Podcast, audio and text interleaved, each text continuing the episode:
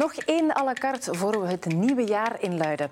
En daarvoor keren we terug naar het begin van dit jaar, naar februari 2022, toen Rusland Oekraïne binnenviel. Oorlog, dichter bij ons bed. Mijn gast van vandaag schreef er een boek over waarom dit niet de laatste oorlog is. Over de psychologie van internationale conflicten.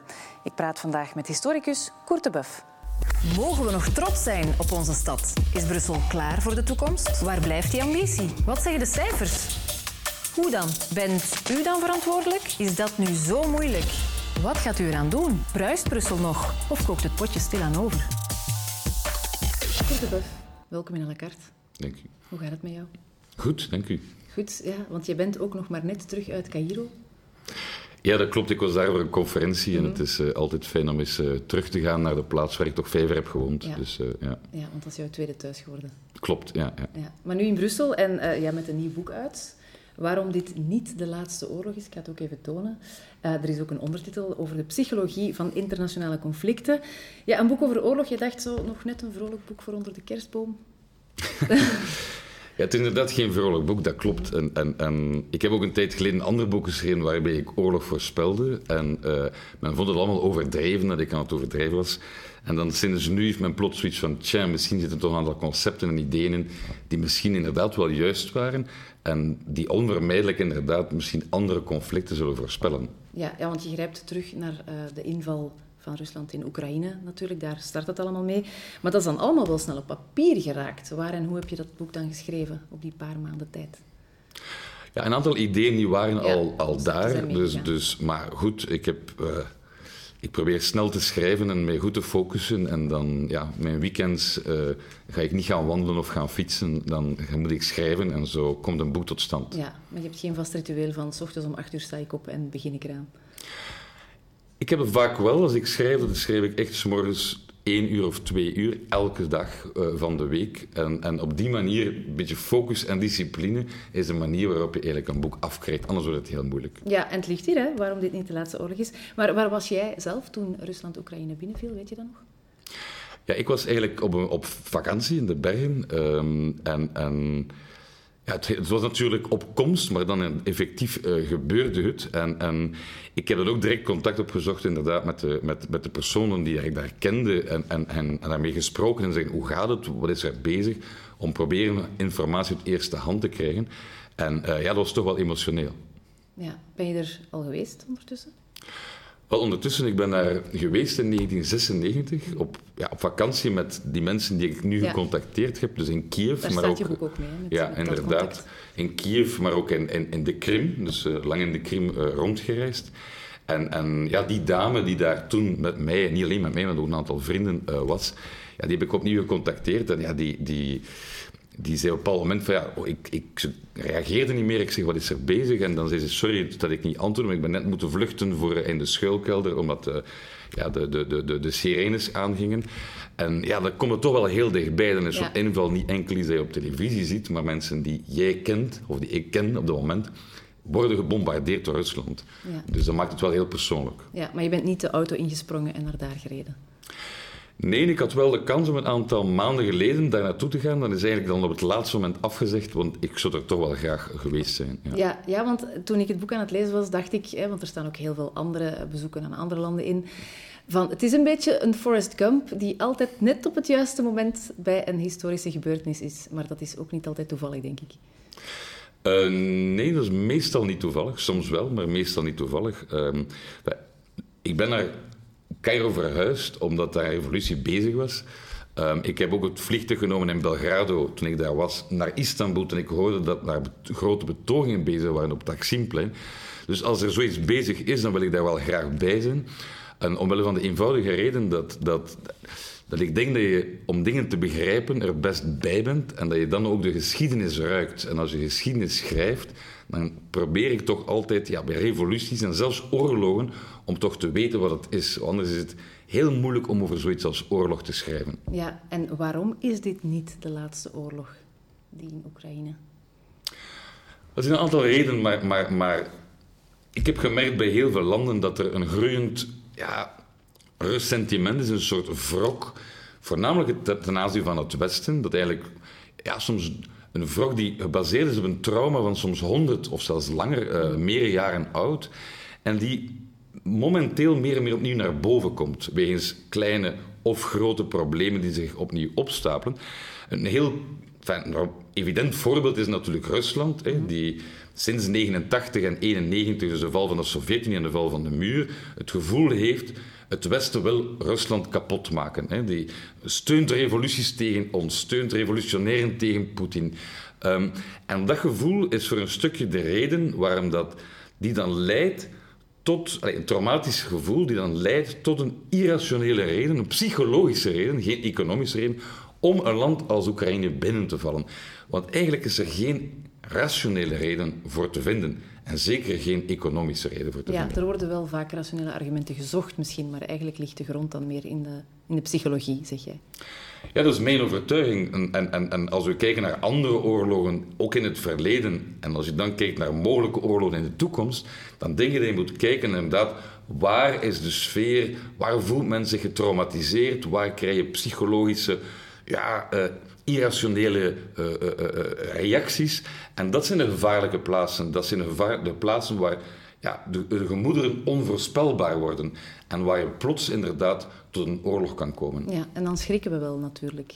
Ja, we schrikken natuurlijk van, oei, plots komt daar oorlog. Terwijl, ja, ik, ik ga nu keer even terug naar Rusland, maar dat meest voor de hand ligt natuurlijk. Maar ja, de retoriek van Vladimir Poetin, van de president van Rusland, maar ook van anderen rondom hem, die waren de voorbije jaren echt wel ja, steeds bitterder aan het worden en steeds ja, harder en, en, en, en irrationeler aan het worden. Zijn eerste toespraak die hij heeft gehouden, waar hij heeft gezegd van, tegen het Westen, het is nu genoeg geweest, was 2007. Mhm. En eigenlijk hebben we ook nauwelijks geluisterd, of te weinig, althans, dat is zijn opinie. En dan zie je hoe eigenlijk het discours stelselmatig harder, irrationeler wordt, om dan uiteindelijk te eindigen in een inval in Oekraïne. Ja, want ja, we zouden kunnen denken van we leven in een geglobaliseerde wereld, of dat denken toch heel veel mensen. Maar jij zegt van nee, we zijn eigenlijk de andere kant aan het opgaan. We zijn aan het tribaliseren. Noem je dat dan? Ja, sommigen zeggen dat de globalisering dat er iets is van de laatste 50 jaar. Eh, men linkt het dan aan het neoliberalisme of het kapitalisme. Maar ik denk dat, dat globalisering iets is dat inherent is aan de menselijke geschiedenis. Denk maar aan de eerste rijken, het Akkadische Rijk, Sumerische Rijk, toen Perzische Rijk, toen eigenlijk steden werden verbonden, ideeën werden uitgewisseld en het groeide telkens maar. Dus eigenlijk als je de geschiedenis bekijkt, is dat een opgaande lijn van de globalisering. Van netwerken. Netwerken die groter worden, dat is zowel economisch, maar ook, gaat ook over ideeën, uitvindingen, religies die zich verspreiden. Um, en soms zie je dat die lijn, die opgaande lijn, stopt en eigenlijk afgebroken wordt. En dat is dan het moment wat ik dat noem tribalisering, waar de grenzen worden gesloten, waar geen goederen meer worden uitgewisseld, waar geen ideeën meer worden uitgewisseld. En die momenten zijn vaak momenten die leiden tot oorlog. Ja, en ik denk dat waarbij eigenlijk ook ja, landen op zichzelf gaan terugplooien. Inderdaad, men plooit zich op zichzelf terug. Men kiest een, een, een leider om tegen de vijand. Het is een, een zwart-wit denken, een wij tegen zij denken. Um, men, men concentreert zich op, zich op zijn eigen identiteit en men begint zich ook te, te, te, te, kijken naar een soort mythologisch verleden. Een verleden dat niet heeft bestaan. Net zoals Rusland vandaag ook kijkt naar een verleden dat eigenlijk nooit heeft bestaan. Hè, met Kiev, Rus enzovoort. Dus ik krijg een speciaal gevoel, een speciale actie in, uh, uh, uh, in die samenleving, dat inderdaad tot autoritair leiderschap leidt. En dat uiteindelijk een psychologische draaikolk is die vaak inderdaad tot geweld leidt binnenin een samenleving of oorlog met een andere samenleving. Ja, want het is ook besmettelijk dat tribaliseren. Als één land dat begint te doen, zijn er eigenlijk meerdere die gaan volgen. Ja, precies. En, en, en, en dat is een van de dingen waar ik ook voor waarschuw in de Verenigde Staten, is dat ja, hoe, hoe meer de republikeinen op zichzelf uh, gaan staan en harder zijn tegenover de democraten, hoe meer dat ook omgekeerd gebeurt. En de democraten harder zijn ten aanzien van de republikeinen. Hoe meer wij twijfels zetten bij de goede intenties van China, hoe meer China gaat twijfelen aan onze goede intenties en hoe meer de communicatie tussen beiden eigenlijk misloopt en men de intenties meer en meer verkeerd begrijpt. Het gaat eigenlijk allemaal om wantrouwen. Hè? Het gaat heel veel om wantrouwen, ja, ja, ja. En hoe groter het wantrouwen wordt, hoe minder er dialoog is. En hoe minder dialoog is, hoe groter opnieuw dat wantrouwen wordt. En dan begrijpen elkaar verkeerd. Ja, dan ga je het invullen voor een ander. Exact. Je gaat invullen voor een ander en dan gaan we andere mensen intenties toedichten die er misschien niet zijn. En dan gaan we meer angst krijgen voor, die ander, voor dat andere land, ons meer bewapenen, verdedigen, ons meer op zichzelf trekken. En zo krijg je eigenlijk een toestand waarbij twee landen of twee groepen, dat kan ook in een land zijn, ja, niet meer communiceren met elkaar en waarbij uiteindelijk alleen nog ja, conflict eigenlijk een mogelijke optie is voor de toekomst. Ja, dat is dan een vorm van communicatie, op zijn minst, maar niet de juiste. Communicatie, denk ik, die niemand wil. Nee, dat, uh, ja, dat hangt er vanaf hè, aan welke kant je staat natuurlijk. Hè. Maar ja, heel concreet ook, je zegt bijvoorbeeld, ja, die, die, die oorlog uh, in Oekraïne is een van die voorbeelden ontstaan door tribalisering. Maar ook concreet bijvoorbeeld, blijkbaar zitten we met nu meer muren dan voor de val van de Berlijnse muur dat we echt hekken en muren zijn aan het bouwen tussen verschillende staten. We zijn ons op onszelf aan het terugplooien allemaal. Ja, absoluut. Dat is eigenlijk een heel interessant gegeven. Dat bij de val van de muur, denk ik dat er zeven of acht muren waren tussen landen in de wereld. Um, dan viel dus de achtste, hè, dus de Berlijnse muur. Vandaag zijn er meer dan 80 muren of hekkens tussen landen. Dus dat is een heel duidelijk teken dat die beweging van mensen, goederen en ideeën eigenlijk wordt tegengehouden. Dat inderdaad Europa, maar ook heel veel andere. Uh, dat, je denkt aan Trumps muur met Mexico, maar heel veel andere muren worden opgezet. Wat toch een teken is ja, dat we bijna tien keer meer afgesloten zijn, of ons tien keer meer proberen af te sluiten, dan bij de val van de muur in 1989, toen de wereld helemaal openging. Het hoogtepunt van de globalisering was het hoogtepunt van een wereld zonder muren. Dat was de jaren 90. En sinds de jaren 2000 is dat alleen maar toegenomen. En denk ik dat het een teken is van ja, dat die globalisering omgekeerd naar tribalisering werd. Ja, want wat ik ook een interessante metafoor vond in je boek is ja, die begrafenismetafoor. Dus bijvoorbeeld, aanvankelijk uh, zit je op de koffietafel en ben je nog met elkaar aan het spreken en herinneringen aan het ophalen en heel solidair aan het, aan het zijn. Maar een paar weken daarna is er ruzie over de erfenis. En eigenlijk kan je dat ook wel toepassen op heel wat internationale uh, situaties en conflicten. Absoluut. En, ik denk dat een voorbeeld inderdaad is, dat is uh, ja, uh, 9-11, de aanslag op New York, maar ook bijvoorbeeld de aanslagen in Brussel, uh, 16 jaar later.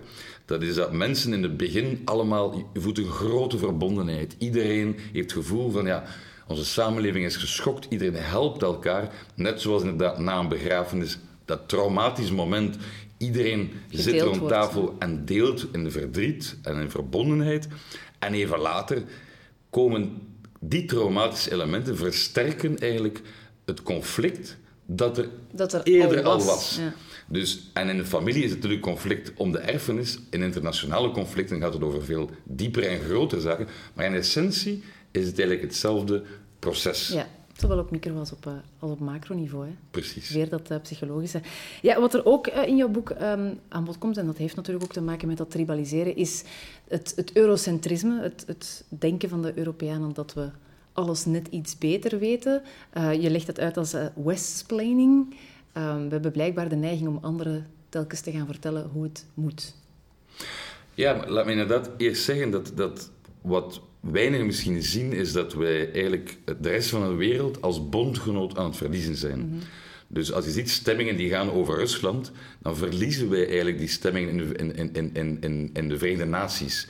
Voor de eerste keer sinds 1945. Dus je ziet dat daar een probleem is. En het probleem maken we alleen maar groter door de manier waarop wij praten met andere landen, wat ik dan westsplaining noem, wat een variant is van mansplaining. Mm Een man die uitlegt aan een vrouw. Uh, dus bijvoorbeeld, ik was in Libanon uh, met een uh, Franse collega en hij heeft islam, de islam uitgelegd aan een moslim bij ons in de auto. Hè, en Libanon uitgelegd aan een Libanees. Dan denk ik van, dat is typisch, wij denken altijd dat we het beter weten. Hè? Dus wij denken dat we weten hoe een andere maatschappij uh, uh, eruit of een andere religie, of een ander gevoel, of een ander idee. En op een of andere manier zit dat heel spontaan in ons. Hè? En de ene persoon meer dan in de andere. Maar dat heb ik altijd gezien als ik zelf... Als ik heb zelf in het Midden-Oosten gewoond, dus, dus hoe langer je daar woont, hoe meer je dat ziet van mensen die uit Europa komen, dat die altijd denken dat ze het beter weten. Ja. En op zich beter denken, iets beter te weten, is één ding. Maar als je dat Als je dan praat met die anderen, dan komt dat heel arrogant over. En wij vergeten te luisteren naar andere continenten, naar andere landen. Wat, waar staan zij in de wereld? Waarom, hoe zien zij de toekomst? Wat zijn hun problemen, door hun trauma's vaak? Um, we zijn nu is een heel debat bezig over de, de, slavernij. Moeten we daar excuses voor aanbieden enzovoort. Maar dan hebben we al gevraagd... Gaan we het, gaan we het vragen? Ja. Voilà, nee, gaan we vragen, van, zijn jullie hier ook mee bezig? Of is het eigenlijk gewoon iets waar wij alleen mee bezig zijn? Dus wij zijn bezig met die continenten zonder die continenten te betrekken. En die arrogantie is iets wat dat zij ja, gewoon zijn van ons, maar wat hen steeds verder verwijdert van ons. En op zich zou dat geen probleem zijn als we natuurlijk niet geopolitiek, niet alleen in tijden van oorlog, maar ook in tijden van principes, zoals democratie en mensenrechten, die landen meer dan ooit nodig hebben, terwijl we zien dat we eigenlijk die landen meer en meer aan het verliezen zijn. Ja, en we doen het ook zelf niet altijd, hè? want in de Europese Unie zijn we zelf niet altijd zo sterk in het uh, verdedigen van onze democratische waarden. Wel, inderdaad.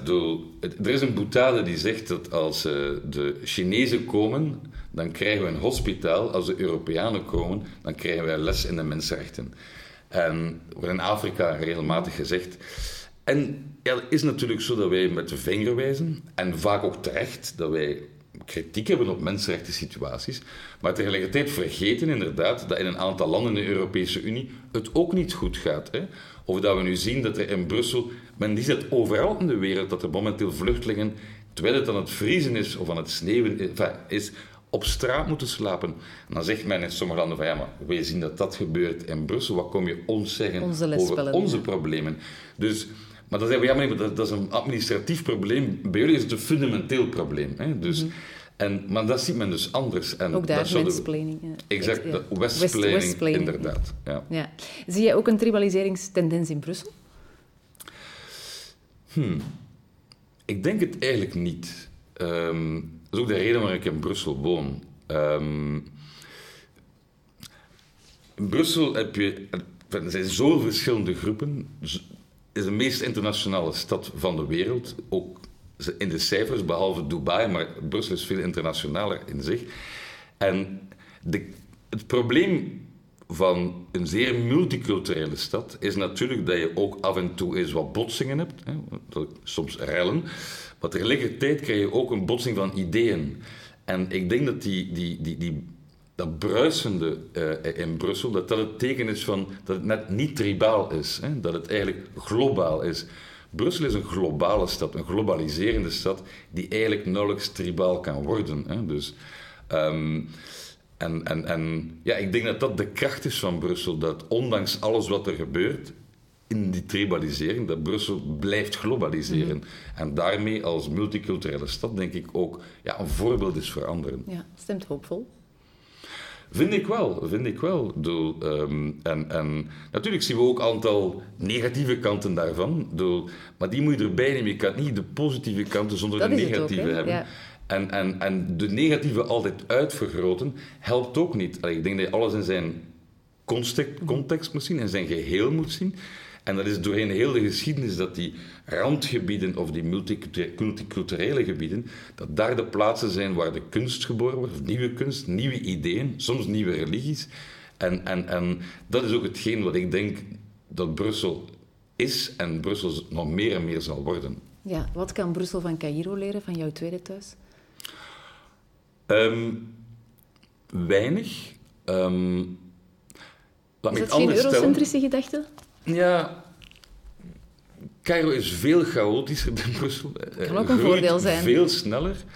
Is, uh, als sommige mensen klagen dat er de, de, verkeersregels in Brussel te weinig gerespecteerd worden. Ja, in Cairo zijn er nauwelijks regels.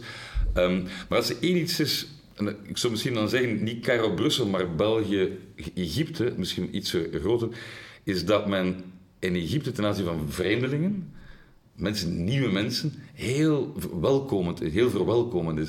Je wordt direct opgenomen in een groep, je hebt direct vrienden, je wordt direct uitgenodigd, men is nieuwsgierig.